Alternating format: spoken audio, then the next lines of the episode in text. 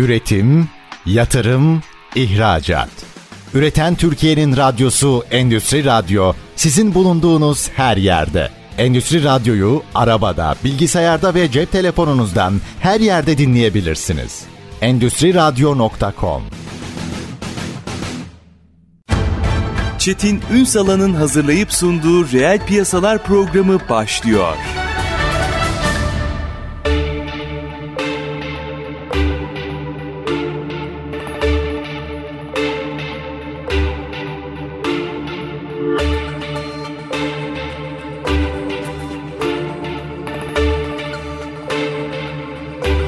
Reel piyasalardan merhabalar. Türkiye'nin gerçek gündeminde birlikteyiz efendim. Bugün aslında işte yeni ekonomiyi konuşacağız. Yeni ekonomiyi mercek altına alırken yeni teknolojileri konuşacağız. Tabii ki işin içine para da girecek. Parayı da konuşacağız. Ama asıl blockchain teknolojisini mercek altına alacağız. Web 3 dönüşümünü, girişimciliği, yeni ekonomiyi ve bu yeni ekonomi içerisindeki finansal enstrümanları kullanma şeklini. Hepsini sizler için tek tek konuşacağız. Coinox CEO'su Can Azizoğlu bugün Bugün reel piyasaların konu Sayın Azizoğlu yayınımıza hoş geldiniz efendim. Merhabalar. Herkesin, Çok heyecanlıyım. hiç heyecanlanmayın çünkü biz sadece bilgilerinize tabiiz. Herkesin aslında çok konuştuğu, çok popüler gündem olarak ele aldığı başlıkların içerisinde biz biraz daha dibe inelim istiyorum. Çünkü burada aslında yeni bir ekosistem oluşuyor yeni bir teknoloji var, yeni bir alan var ve tabii ki onun finansal sistemleri var. Bütün bu fotoğrafı bir kere doğru algılayabiliyor muyuz? Ya şu blockchain ile başlayalım mı? Biz blockchain'i niye kriptolara indirdik? Ben bunu bu konuyla ilgili gelen bütün konuklarıma soruyorum. Niye sadece kripto hatta kripto bile değil bir tane markaya indirdik? Ne olur şu işi bir konuşalım. Tabii ki. Biliyoruz ki insanoğluyla alakalı en herkesin genel geçer bildiği şey parayı çok sevmesi. Gücü çok sevmesi. Güç de eşittir para olduğu için hayatımıza ne girdiyse şimdiye kadar ilk dünyayı değiştirecek önce finansal piyasaları değiştirdi. 2000'li yıllarda teknoloji firmalarının filizlendiğini hatırlarsınız. Tabii ben o zaman 6 yaşındaydım ama tabii okuduğum kitaplardan öğreniyorum şimdi. Bu hisse senedi borsaları dijital firmalarda uçmuş. Bir sürü dolandırıcılık olmuş vesaire. O zaman telefonla al alım satılım yapılıyor. Regülasyon da yok doğru. Regülasyon da yok. yok evet. Ama. Yani işte Facebook'un, Meta'nın, Google'ın vesaire hani olmadığı yıllar. Daha böyle farklı farklı şu an piyasada hiç olmayan bir sürü binlerce firma e, çıktı battı. Şimdi ama gel gel görelim ki o firmaların hepsi bazısı yapay zekadan dem vuruyordu. Bazısı sosyal medyadan dem vuruyordu. Bazısı dijitalleri saklama depolamadan dem vuruyordu. Böyle böyle bir sürü firma var değil mi? Hatırlarsınız. Tabii tabii tabii. 2000'li yıllarda. Sonra o firmaların hepsi battı. Ondan sonra onlar da regüle oldular piyasalara. En nihayetinde bizim Facebook'umuz, Google'ımız gerçi bunlar okey mi? e, sosyal medya diyelim biz Evet sosyal medya ve şu anda hayatımızda olan ve aydan aya para verdiğimiz çok dev firmalara dönüştüler. Şimdi blockchain teknolojisi de aynı şekilde insanoğlunun en en çok ilgi duyduğu alanda patlama yaptı. Çünkü en müsait alan orasıymış o alanda. Finans. Finans çünkü paranın en büyük problemi genel olarak ölçeklenmesi değil mi? Tabii. Yani parayı ölçeklemek çok zor. Merkez bankaları bile parayı ölçeklemekte çok zorlanıyorlar. Biz bile kendi ay sonunu ölçeklemekte çok zorlanıyoruz. Doğru.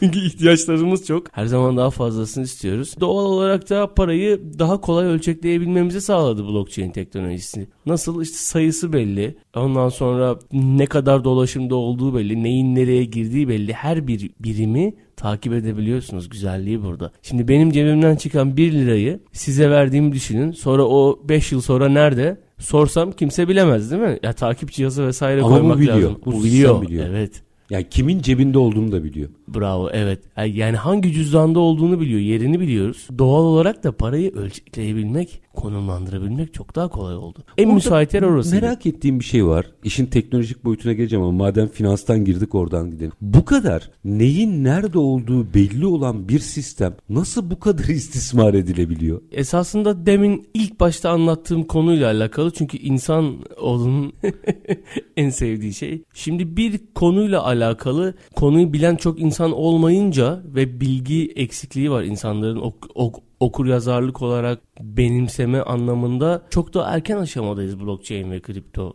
dünyası için söyleyebilirim bunu. Çok erken aşamada olduğumuz için mesela ben burada bir şey anlatsam yüzde e, 50 %60 dinleyicilerimiz bunu belki doğru kabul edebilirler. Ama geri kalan %40'ı belki bunu bir Google'a yazıp gerçekten ara, araştırır. Araştırır ama hmm, eksiklik orada araştırmada. Ama ben demin ne dedim mesela? Bir yere bunu yazmak dedim değil mi? O bile doğru bilgiye ulaşmanın kaynağı değil artık. Çünkü bilgi manipüle edilebilir bir doğru. şey. Değil mi? İnternetteki bilgiler doğru değil. Hatta parasını veren bilgiyi öne çıkarabildiği Bravo, bir dönemdeyiz. Kesinlikle. Öyle olduğu için de esasında kimseye güvenmemek ama kendimizi terimsel anlamda konuyu gerçekten temelinden ve doğal içeriğini anlamak kavramında yani entelektüel bir düşüncemiz olmalı o fikirle alakalı. Nasıl çalışıyor anlamalıyız. Ondan sonra bu konu hakkında bir yatırım yapacaksak onun üzerine araştırarak tekrar karar vermeliyiz diye düşünüyorum. İnsanlar bunu yapmıyorlar. Demin bir video izliyordum. Çok sevdiğim bir arkadaşım. Kendisi YouTuber. Bilmiyorum isim verebilir miyim? Kişi ismi ise sıkıntı Kişi yok. ismi evet Emre. Emre'nin videosunu izliyordum. O, o çok güzel bir şey söyledi. Bir arkadaşıyla konuşmuş. Davet etmişler onu. Aşağı yukarı işte o orta gelir diyebileceğimiz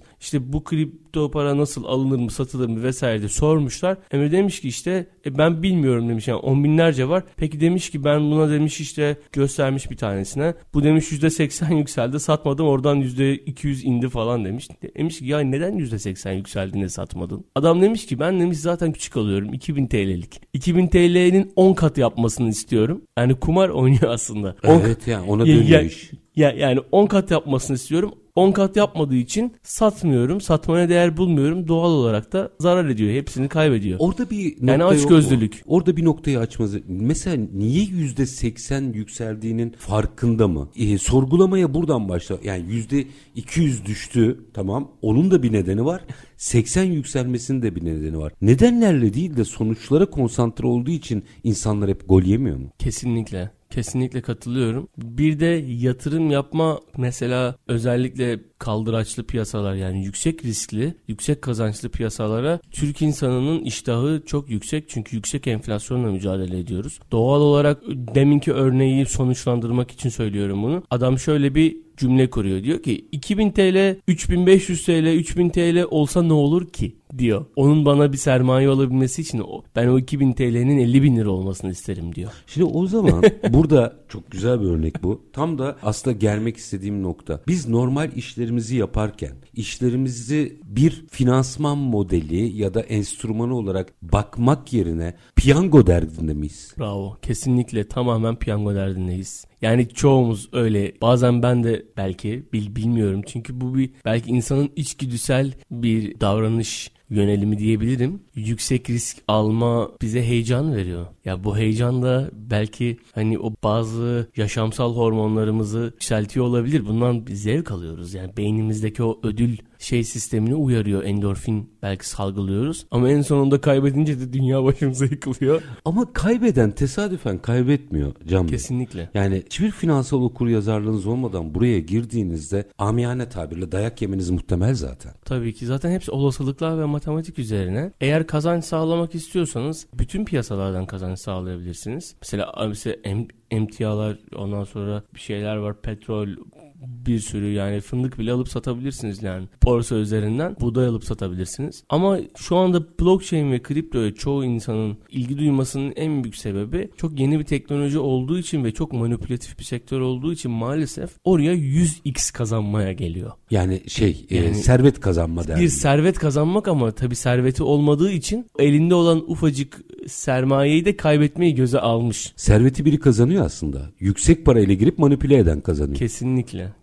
Kesinlikle evet. Onlar bile belki 3 katı 4 katı yapmıyorlar. Onlar belki 2 katı yapıyorlar ama yani 100 milyon doları 200 milyon dolar yapıyorlar yapıyor. gibi. Ama o mesela işte 100 dolarını 100 bin dolar yapmaya çalışıyor ama zaten yapamıyor büyük ihtimalle. Bunu birazcık daha şuradan açmak istiyorum. Mesela genç jenerasyonun içerisinde ki araştırmalar da onu gösteriyor. Dünyada en çok bunu kullanan ülkelerden biriyiz. Şimdi kimseyi kırmadan dökmeden sormaya çalışıyorum. Biz şöyle öğrendik en azından bizim kuşak. Alın teriyle kazanmadığın para hiçbir zaman sende kalmaz. Şey değil bu inançsal bir şeyden bahsetmiyorum. Yani emek vereceksiniz bir şeye günün sonunda da şey yapacak. Burada da aslında gerçekten bu işin oyuncularının araştırma yaptığı işte işin içine yani emek verdiğini görüyoruz. Fakat o vurkaç duygusunu nasıl yok edeceğiz insanlarda? Bence yeterince kaybetmemişlerdir. ha, güzel. Çok potansiyeli müsait buranın kaybetmeye diyorsunuz. Tecrübeli olarak biri olarak söylüyorum. Getirince kaybeden birisi artık yani kaybetme lüksünün olmadığını fark ettiğinde artık daha aklı başında ticari hareketler yapmaya başlıyor. Hatırlıyor musunuz? Yani şimdi tabii işi profesyonel anlamda götürüyorsunuz, e, biliyorsunuz mesleğiniz olmuş ama ilk oltalandığınız zaman hatırlıyor musunuz piyasa of, tabiriyle? Hatırlıyorum ve çok komik gerçekten biliyor musunuz? O kadar komik ki yani 2000 2017 o zaman daha ilk yılım blockchain'de ama tabii ben de finans alanında alım satım yapıyorum yani. O kadar komik bir oltalamaya geldim ki size anlatsam gülerler yani ama anlatacağım biraz gülelim. Çünkü hala bunu düşünenler kesin vardır ya. Şimdi böyle Twitter'da geziniyordum. Ondan sonra ben de Ethereum alıp satıyordum o zaman. O zaman da Ethereum herhalde yaklaşık 180-120 dolar ol- olması lazım. Hatta daha mı düşük aşağı yukarı. Bir tane tweet gördüm işte. Bayağı da böyle etkileşim almış. Tweette yazıyor ki Evet işte çok bir saatlik bir kampanya buraya gönderdiğiniz Ethereum kadarının işte tam iki katını size geri gönderiyorum. Niye diye sormadınız mı? Niye diye sormadınız Ya gönderdim biliyor musunuz? o anda gönderdim. O an ne hissettim biliyor musun? O an böyle zaman kısıtı psikolojisi ama çok eski yani. O zaman da ben de yeniyim yani. Bir de heyecanlıyım. Kazanmışım da böyle birazcık. Daha çok kazanmak istiyorum böyle. İki arada bir derede. Yani gönderdim. Çünkü o iki katını bana gönderme gönderdikten sonra kendimi daha iyi hissedeceğimi düşündüm herhalde. Psikolojik Mesela olarak. E, o anda Ve niye diye sormaz mı? yani inanamıyorum ya. Niye diye sormaz mı biri? Çünkü siz işte bunu Sana yıllar önce başlamışsınız ama bugün hala bu yaşanıyor. Evet. Yani insanın bazen basireti bağlanıyor bence. Yani. ya peki şimdi bir araya gideceğim ama aslında bu sistemleri sağlıklı kullanmanın yolu yordamı nedir? Biraz bunu açalım. Ama minik bir araya gideceğim. Aranın ardından gerçekten aslında bu iş doğru kurgulandığında, doğru kullanıldığında nasıl bir ekonomi yaratılabiliyor? Biraz onu açalım. Tabii. Yani ilk oltalanmanızı merak ettim çünkü. Ondan sonra iş tabii profesyonelliğe dönüyor ve tabii. araştırıyorsunuz vesaire. Ama şimdi birazcık konuşalım. Coinox CEO'su Can Azizoğlu'yla sohbetimiz devam edecek. Kısa bir araya gideceğiz. Aranın ardından aslında bugün çocuklarınızın ağırlıklı olarak yaşadığı bir oltalama örneğini gördük işin başında. Ama bu iş aslında nasıl bir ekonomi, nasıl kullanılması gerekir? Az sonra Sayın Can Azizoğlu'ndan bunu da alacağım. Kısa bir ara lütfen bizden ayrılmayın. Üretim, yatırım, ihracat. Üreten Türkiye'nin radyosu Endüstri Radyo sizin bulunduğunuz her yerde. Endüstri Radyo'yu arabada, bilgisayarda ve cep telefonunuzdan her yerde dinleyebilirsiniz. Endüstri Radyo.com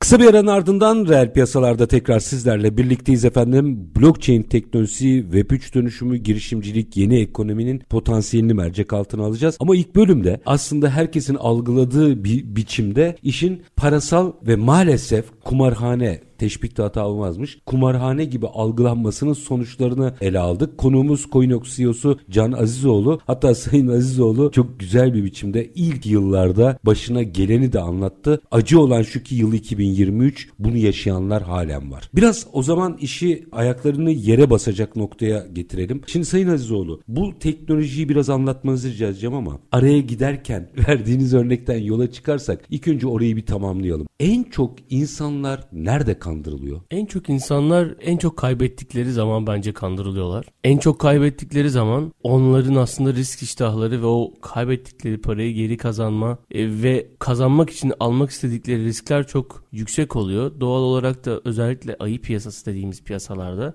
dolandırıcılıklar ve hack olayları çok artıyor. Örneğin bütün piyasa %200 %100 düşmüşken birdenbire %100 yükselen bir token, bir coin veya bir hisse Ekosi yani o andaki ekosistemin evet, evet. ters. Reel piyasalar için de söyleyelim. Bir hisse görürseniz her hani, hani önce bu şekilde insanların bir gözünü boyuyorlar. Çünkü sen onu almadın.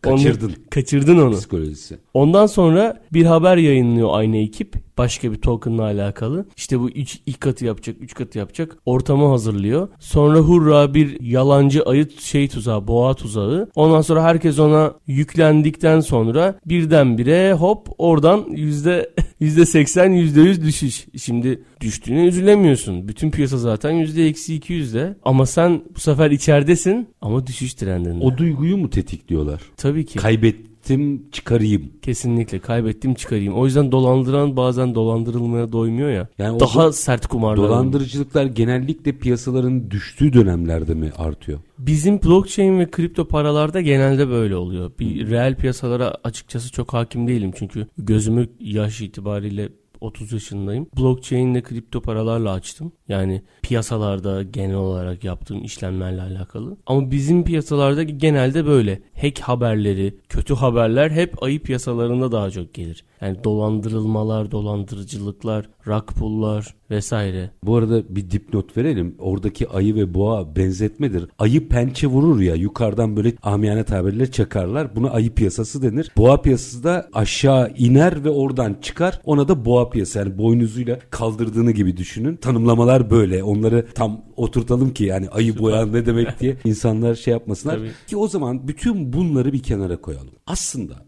blockchain teknolojisine biz ne anlamamız lazım bundan? Blockchain teknolojisi esasında bir veri saklama mimarisidir. Yani veriyi yani bilgiyi dijital olarak farklı bir mimaride sakladığımız zaman blockchain mimarisinde sakladığımız zaman biz buna genel olarak blockchain teknolojisi diyoruz. Esasında bu konuştuğumuz kripto paralar, teknolojiler, şirketler vesaire bunların hepsi bu devrim veriyi daha verimli, daha farklı bir yöntemle saklamayı bulabildiğimiz için gerçekleşti. Geçmişe baktığımız zaman yine dijital sektörün devrimlerine baktığımız zaman sosyal medya vesaire yine hep veriyle alakalı devrimler gördük aslında farkında olmadan. Örneğin Web 2'den bahsedelim. Web 2, Web 3 nedir değil mi? Bunların farklarına evet, evet, bakalım. Onu. Web 1 nedir? Web 1 eskiden ilk internet açıldığı zaman web ağı vardı. Bloglar yazılıyordu. İnsanlar onu okuyordu değil mi? Bu Web 1'di. Sadece birinin yazdığı blogları, web sitelerini gözlemleyebiliyorduk. Başka hiçbir kullanıcı olarak dahil ba- olamıyorduk. Başka hiçbir şekilde dahil olamıyorduk. Web 2 ise bunlara yorum yapmaya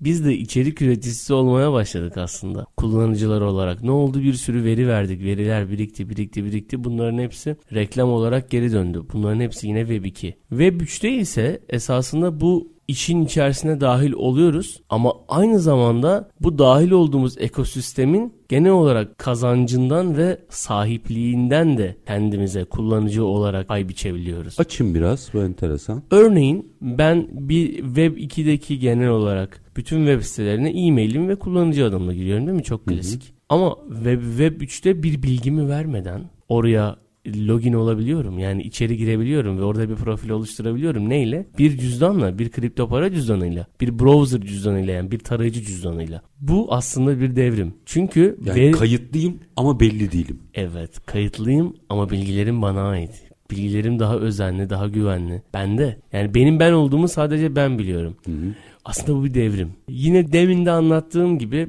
düşünsenize Facebook, Instagram fotoğraflar paylaşıyorsunuz veya Twitter'da bütün sosyal mecralarında bir sürü özel bilgimizi paylaşıyoruz. Aa, eğer cüzdanlarla oraya girseydik bu bilgileri yine paylaşacaktık. Ama şirketlerin bu bilgileri işleme şekli biraz daha farklı olacaktı. Örneğin benim cüzdanım olmadan benim bilgimin depolandığı bölümden bilgi alamasın şirket. Örneğin böyle bir sosyal medya olsun diyebilirim artık. Ve böylelikle eğer o şirket benim bilgimi işleyip satmak istiyorsa bana da para versin. Ha, yani ben böyle beni, bir akıllı ben verimli ortak olayım o işe. Evet kesinlikle. Bundan bir 6-7 yıl önce çok dile getirildi. Bu ortaya koyduğunuz verilerle bir şekilde aslında siz para kazanacaksınız denilen hikaye aslında Web 3 ile ufak ufak hayatımıza mı giriyor? Tam olarak evet kesinlikle. Şimdi Web 3'e entegreli sosyal medyalar çıktı ve gittikçe popüler oluyor. Web3 entegreli tarayıcılar var. Artık herkes onu kullanıyor. Ben de onu kullanıyorum. Çünkü bir kere özel hayata müdahale, veri işleme yok. Sıfır. Üstelik bir de para veriyor bana. Reklam izledikçe de para alıyorum. Yani izlediğim reklamın karşılığını da alıyorum. Tamamen Web3 ekosistemine uygun bir aslında. Aslında yeni ee, bir meslek tarayıcı. Gelir kurgusu oluşmuş oluyor. Evet evet kesinlikle. Şimdi ne dedik? Veri dedik değil mi? Web 1'de mevcut veriyi okuyabiliyordum. Web 2'de veriyi yazabiliyorum, veri üretebiliyorum. Web 3'te ise ürettiğim verinin sahibi oluyorum kesinlikle. Aynı zamanda da bu verinin ederini de cebime koyuyorum. Cebinize koyduğunuz yer kripto para işte. O evet. sadece bir enstrüman. Kesinlikle. Çünkü, yani sistemin bir parçası. Evet. Kendisi o, değil. Evet evet kripto paraların da genel olarak blockchain teknolojisinin nimetinden faydalanıyor. Blockchain teknolojisi ne dedik? Bir veri mimarisi dedik değil mi? Bu veri mimarisi nasıl çalışıyor? Veriyi kümülatif olarak değil yani geleneksel serverlarda değil kümülatif orada saklanır çünkü veriler. Bloklar halinde birbiri ardına bağlayarak aslında saklıyor basitçe. Ve de yeni yazılan bir veri en son bloğa aktarılıyor. Belli kuralları var. Bütün blockchain mimarları birbirinden farklı olabilir. E, çünkü çok genel bir isim blockchain teknolojisi ve ve biz blockchain teknolojisinin bir sonraki adımıyla Ethereum Virtual Machine dediğimiz yeni bir teknolojiyle tanıştı dünya. Biraz açın. Ethereum Virtual Machine yani EVM,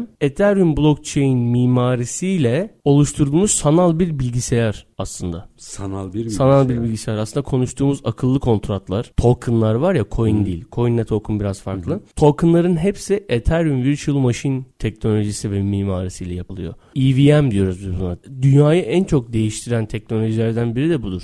İşte o Rus bir çocuk zaten bulmuş Vitalik Buterin. Esasında blockchain'deki teknolojinin de şu anki hayatımıza uygulanabilmesinin de en büyük devrimsel adımı da bu. Neden? Çünkü merkeziyetsiz bir bilgisayar gibi çalışıyor ve bu, bu merkeziyetsiz bilgisayarın içerisinde uygulama kurabiliyoruz. Bu ne işe yarıyor diyelim? Esasında bu akıllı kontratlar dediğimiz duymuşsunuzdur değil mi? Akıllı kontratların hepsi bu bilgisayara kurulmuş bir uygulamadır. Kurallarını siz belirlersiniz. Nasıl çalıştığını siz belirlersiniz. Merkeziyetsiz bir şekilde orada ne yazıldıysa belirli koşullar sağlandıkça o kontrat onu gerçekleştirir. Bu uygulama ama ile birlikte işin içerisine parayla alakalı her şey dahil edebilirsiniz. Yani tokenlarla, kripto ile alakalı. Yani parayla alınır satılır her şey ki bu her şey demek. Ya para her şeylerin içinde var değil mi yani her şeyin içinde var. Bu akıllı kontratların içine eklediğimiz belli kurallarda serbest kalan paralar bizim birbirimizle yaptığımız bütün ticari faaliyetleri devrimsel anlamda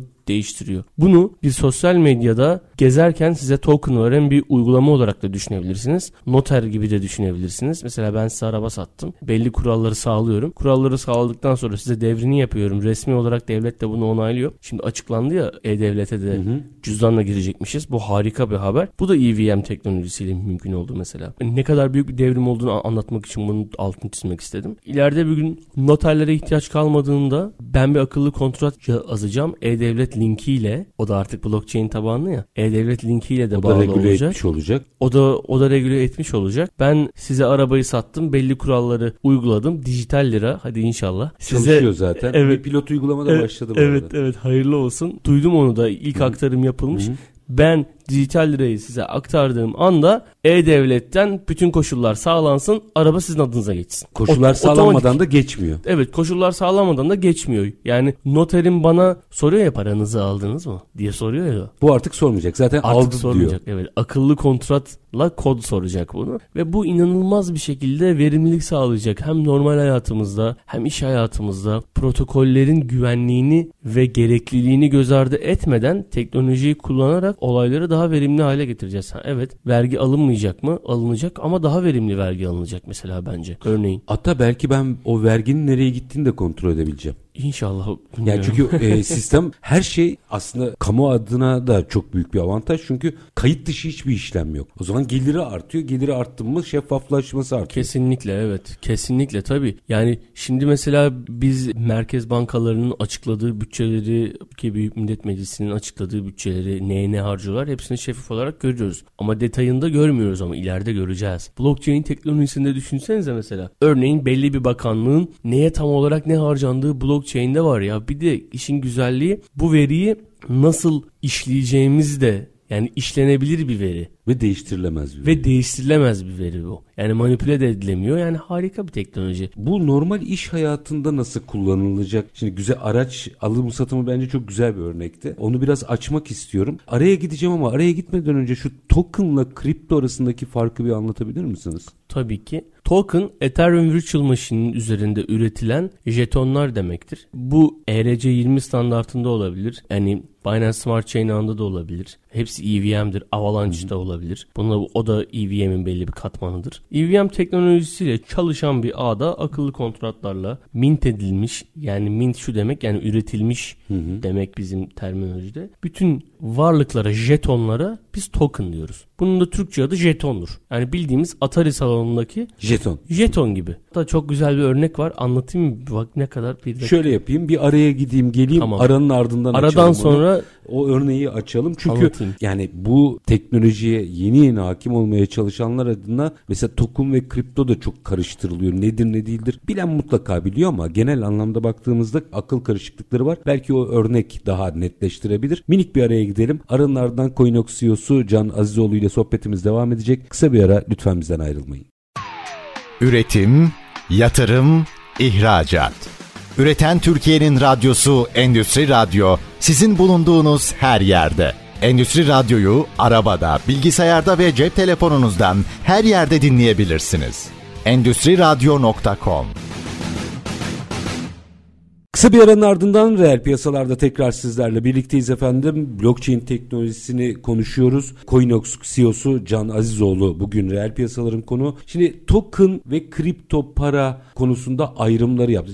Ne dedik? Jeton. Aslında bu jeton. Siz dediniz ki durun aslında bununla ilgili bir örnek vereyim. Ben de araya gittim. Hadi örnekle devam edelim. O örneği açalım. Şimdi bu örneğin içerisinde şöyle bilgiler arayacağız. Token nedir? Ve bir token projesi nasıl yapılır? Bundan nasıl para kazanılır? Güzel. yani bunu iş modelinize nasıl aktarabilirsiniz? Ana fikrimiz de şu mikro investment, mikro fonlama, mikro yatırım. Mikro yatırım yöntemi tekniğiyle alakalı da bir örnek. Düşünün ben bir Atari salonu açmak istiyorum arkadaşlar. Jeton dediğimiz varlıkta bir değer saklama aracı. Diyorum ki Atari salonu açmak istiyorum ve benim 1 milyon liraya ihtiyacım var ama param yok. Ama çok güzel bir fikrim var. Yeri de buldum. Fizibilitemi de yaptım. Her şeyim tamam ama para lazım. Gidiyorum ufak bir sermaye ile jetonlar bastırıyorum. Plastik jetonlar. Hani Atari salonunda kullanılacak jetonları bastırıyorum. Ve diyorum ki ey ahali gidiyorum Kadıköy meydanında İstiklal meydanında bağırıyorum. Diyorum ki ey ahali ben işte böyle böyle Atari salonu açacağım. Bakın bunlar çok güzel oyunlar falan ves vesaire. Siz de özlemediniz mi? Hadi gelin işte bu da olacak o da olacak falan filan. Orada işte bir Atari'de işte bir saatlik oynama veya işte bir oyunluk oynama 2 liraysa ben şimdi bunu 1,5 liradan satıyorum. 1 liradan satıyorum. Şimdi aldın aldın almadın işte kaybettin. Bunu duyan adam da diyor ki ya ben bunu en kötü şimdi bir buçuktan birden alırım. Orada yani adamın kendisini iki liradan satarım yani geri iade ederim. En veyahut oyun oynarım. Burada bir işlev var değil mi? Ondan sonra aynı hikaye aslında. Aynı hikaye kesinlikle. Yani bir Atari salonu açıyor token çıkaran. Kesinlikle. Ondan sonra tabii sözleşme vesaire yok ortada. Token'ı aldım. Jetonları aldım. Cebime doldurdum. Ondan sonra adamın bu Atari salonu yapmasını bekliyorum. Ben de adam olayım tekrar geri döneyim. Ondan sonra ben de adam olarak bak sattım sattım sattım baktım bayağı ilgi var. Ne yaptım peki? Gittim atari salonunu açtım gerçekten. Hı hı. Namuslu bir şeyim. Hani Basiretli tüccar. Girişimciyim. Ondan sonra açtım ben de Atari salonunu. Atari salonunda da dediğim gibi 2 lira yaptım. Jetonu. Gerçekten jetonu da. İnsanlarda jeton var. Önce o insanlar geldiler. Elinde jeton olanlar oynadılar değil mi? Ben de onlardan o jetonları geri almış oldum. Ondan o da sonra... 1,5 liradan oyun oynamış oldu. O da 1,5 liradan oyun oynamış oldu. Şimdi İş modelinin devamına bakalım. İş modelinin de devamında da zaten ben fizibilitemi yapmıştım.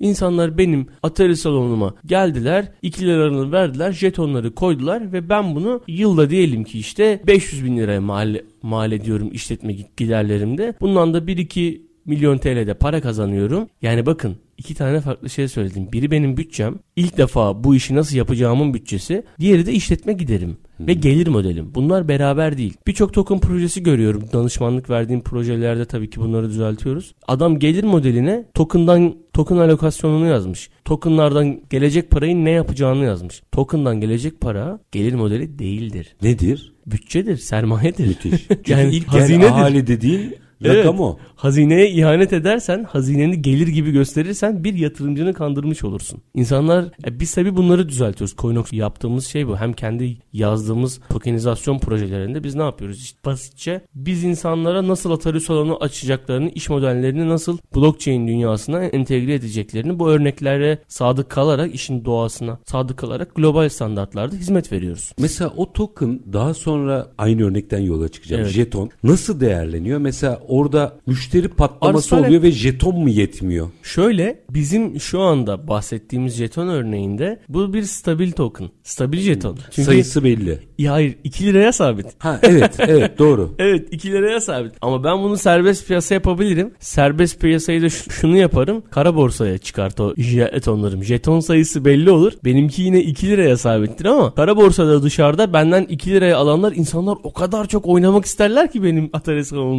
salonumdaki oyunları. İkinci bir piyasa oluşturmuş olurlar. Dışarıda benden gelip 2 liraya alan adamlar bu jetonun fiyatını 3 liraya 4 liraya işte örneğin diyelim ki bakın size çok tanıdık gelecek.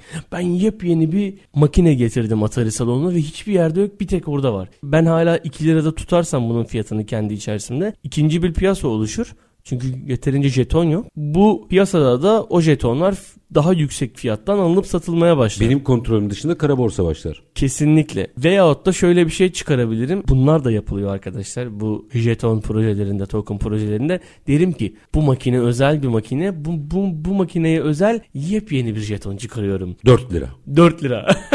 Para böyle kazanılıyor yani. kesinlikle kesinlikle. Ama dediğim gibi yani iş iş modelinize doğru bir şekilde bunu entegre edersek bizim bir girişimci olarak birçok sorunumuzu çözüyor. Öncelikle ürünün sermayesini kitlesel olarak fonlayabilmemizi sağlıyor. Bu çok önemli. Demin anlattığım Atari örneği çok basit ve her sektöre uygulanabilecek bir Aslında örnek. müşterisi finanse ediyor onu. Kesinlikle kesinlikle. Çünkü o kullanacak. Kullanıcısı aslında o jetonu alıyor, ilgi duyuyor. Burada en önemli yani birçok kıstas var ama en önemli kıstas token ekonomi. Ya biz token ekonomiyi yazarken iki ay harcıyoruz. Bana müşterilerimiz diyor ki işte can işte hadi çıkaralım bak boğa geldi bir ay falan bir aya iki haftaya yazın falan diyor bana ama böyle bir şey yok ya biz profesörlerle çalışıyoruz kendimiz çalışıyoruz yıllarca. İşte o yediğimiz Orada bile kazıklar- hala piyangoya. Evet, Aslında bu evet. bir iş. Bu bir bu çok ciddi bir bilim yani bir iş yani çok ciddi bir iş. İşte token ekonomide ne yazıyoruz biliyor musunuz? Jetonun fiyatı kaç para olacak? Jetonun fiyatını nasıl sabit tutabiliriz? Jetonun ne zaman piyasaya geri satarız, geri alırız, ikinci bir token çıkarmalı mıyız? Yani her şeyden önce biz iş modelini analiz ediyoruz. Diyoruz ki tamam Atari salonu mu açacaksın? Noter sistemi mi kuracaksın? Araba alım satım platformu mu kuracaksın? Gayrimenkulle jetonlu alım satım mı yapacaksın? Gibi gibi yani birçok iş modeline uy- uygulanabilir. Her sektöre de uygulanabiliyor Her mu? sektöre uygulanabilir. Çünkü her sektör parayla ilgili. Parayla ilgili olan her sektöre uygulanabilir. Sağlık alanında. Şimdi biz şimdi jeton konusunu konuştuk değil mi? Yani fonlanma konusunu konuştuk. Jeton nedir? Herhangi bir değeri aslında hapsetmektir değil mi? Bir tane fiziki maddeye. Blockchain teknolojisi dijital varlıkları fiziki nitelikler kazandırdığı için ben elimle cebimi, cebimden jetonu çıkarıp fiziki jetonu size verdiğim zaman sizi cebinize koyarsanız sizin cebinizde olur. Bu dijital varlıklar normalde yine veriye geleceğim. Mesela elektronik paralar var ya bunlar blockchain üzerinde değil. Yani benim veri tabanım silinirse yani bunu bir daha gelip okuyacak bunun da başka bir yerde yedeği yoksa paralar nereden oldu nereye gitti kimse bilmez değil mi? Ama blockchain işte böyle değil evrenselleştiriyor veriyi. Yani senin paran nerede hiçbir zaman kaybolmuyor. Yani evet veriyi yani bilgiyi evrenselleştiriyor bu harika bir şey. Yani bilgiyi evrenselleştiriyor ve de o bilgiye birçok platformdan hani genel geçer hale getiriyor bilgiyi. En güzel kısmı bu. Bu şeffafiyet getiriyor. Yani yine jeton örneğinden gidelim çok karmaşık olmasın. Yarın öbür gün maliye geldi beni denetleyecek. Benim en baştan beri kaç jeton olup kaç jeton verdiğim her şeyin belli değil mi? Aslında ne kadar güzel Şeffaf. bir sistem, ne kadar şeffaf bir sistem. Direkt bir tane düğmeye basıyorum bütün her şeyim çıkıyor. Çünkü veriyi hesaplamayı, saklamayı hepsini zaten blockchain yapıyor. İkinci defter yok. İkinci defter yok doğru. Her şey sistemde. doğru doğru tabii demin de bahsettiğim kara borsadaki ne alınıp satıldı bilmiyorum. O da zaten beni Ama o zaten ilgilendirmez. işletmenin de dahil olduğu bir durum değil o. Değil tabii. O dışarıda yapılan bir iş. Tabii tabii yani düşünün işte e, sırasını bile satan adam var ya mesela.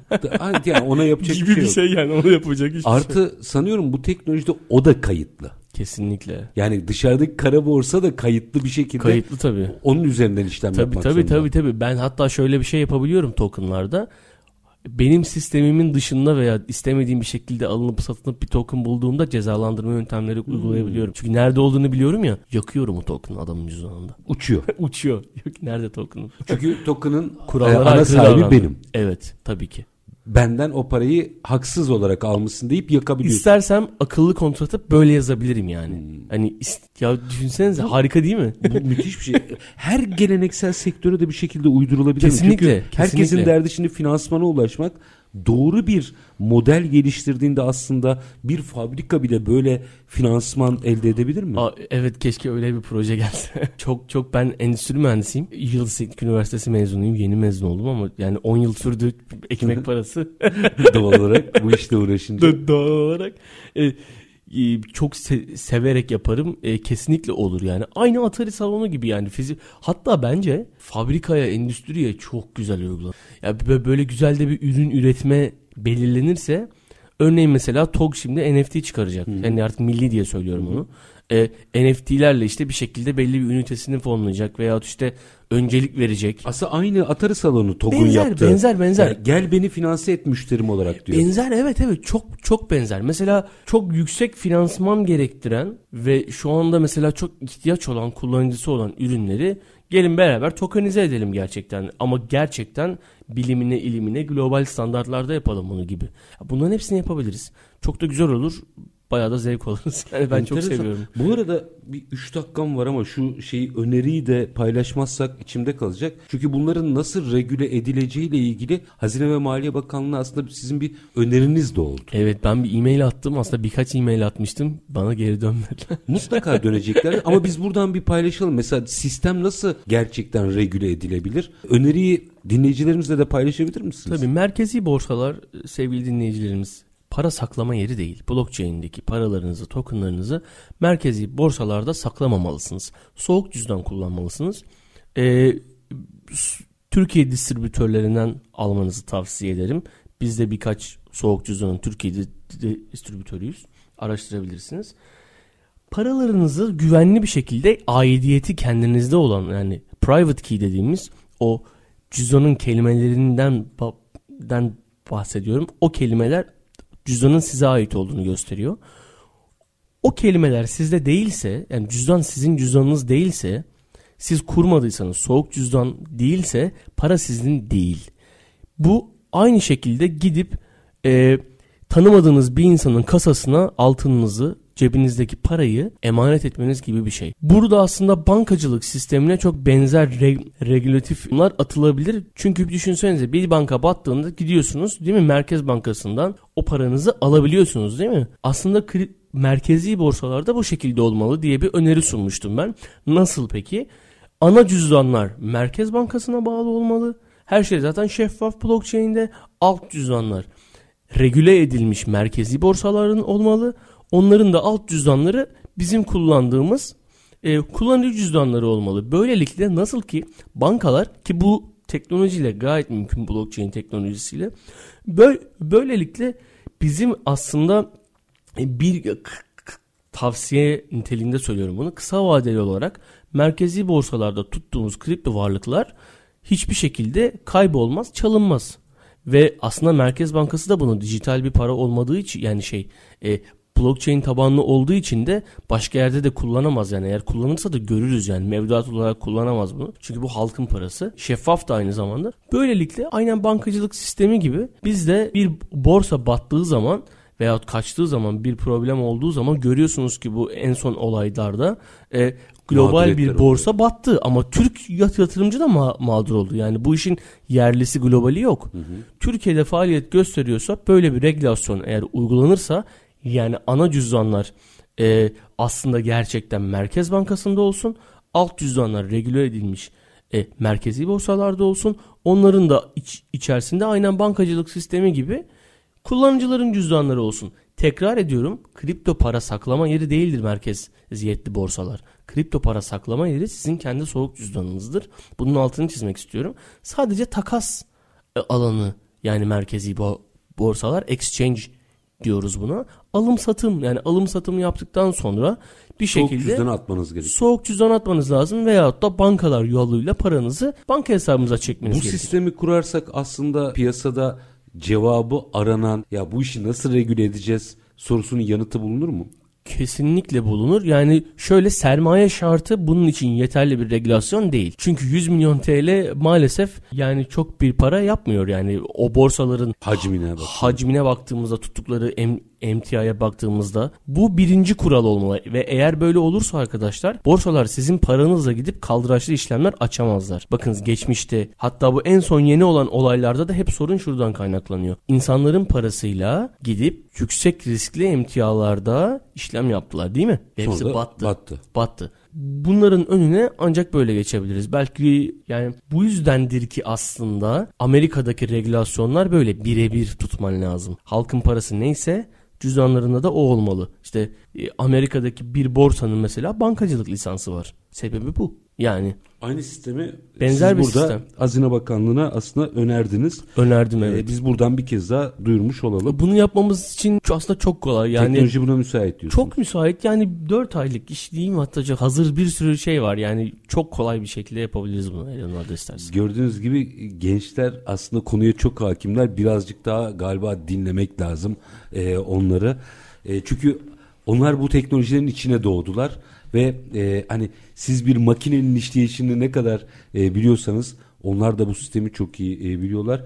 Bakın gördüğünüz gibi bir regülasyon önerisi bile söz konusu. Coinox CEO'su Can Azizoğlu çok teşekkür ediyorum. Çok keyifliydi. Atari örneği müthişti. Ee, sanıyorum Atari örneğini herkes bir önüne koyduğunda kendi işinde neler yapabileceğini çok net görecektir. Ve şu mesaj da önemliydi. Bu işi yatırım yapmak isteyen bir fabrika bile finansman modeli olarak kullanabilir. Doğru kullanılırsa da riski azdır diyorsunuz. Kesinlikle. Umuyorum ki bir sonraki yayınlarda da merkeziyetsiz organizasyonları konuşmak isterim. Merkeziyetsiz organizasyonlar da aslında tek kişiye ait olmayan şirketler Haline dönüşüyor. haline dönüşüyor. Bu da çok bambaşka bir konu. Onu da belki Onu da bir gün e, ağırlarız. Onu da İnşallah. özellikle konuşuruz. Efendim bugün e, blockchain teknolojisini, Web 3 dönüşümünü, girişimciliği, yeni ekosistemi ve ekonominin potansiyelini konuştuk. Konuğumuz Coinox CEO'su Can Azizoğlu'ydu. Biz her zamanki gibi bitirelim. Şartlar ne olursa olsun paranızı ticarete, üretime yatırmaktan, işinizi layıkıyla yapmaktan ama en önemlisi vatandaş olup hakkınızı aramaktan vazgeçmeyin. Hoşçakalın efendim.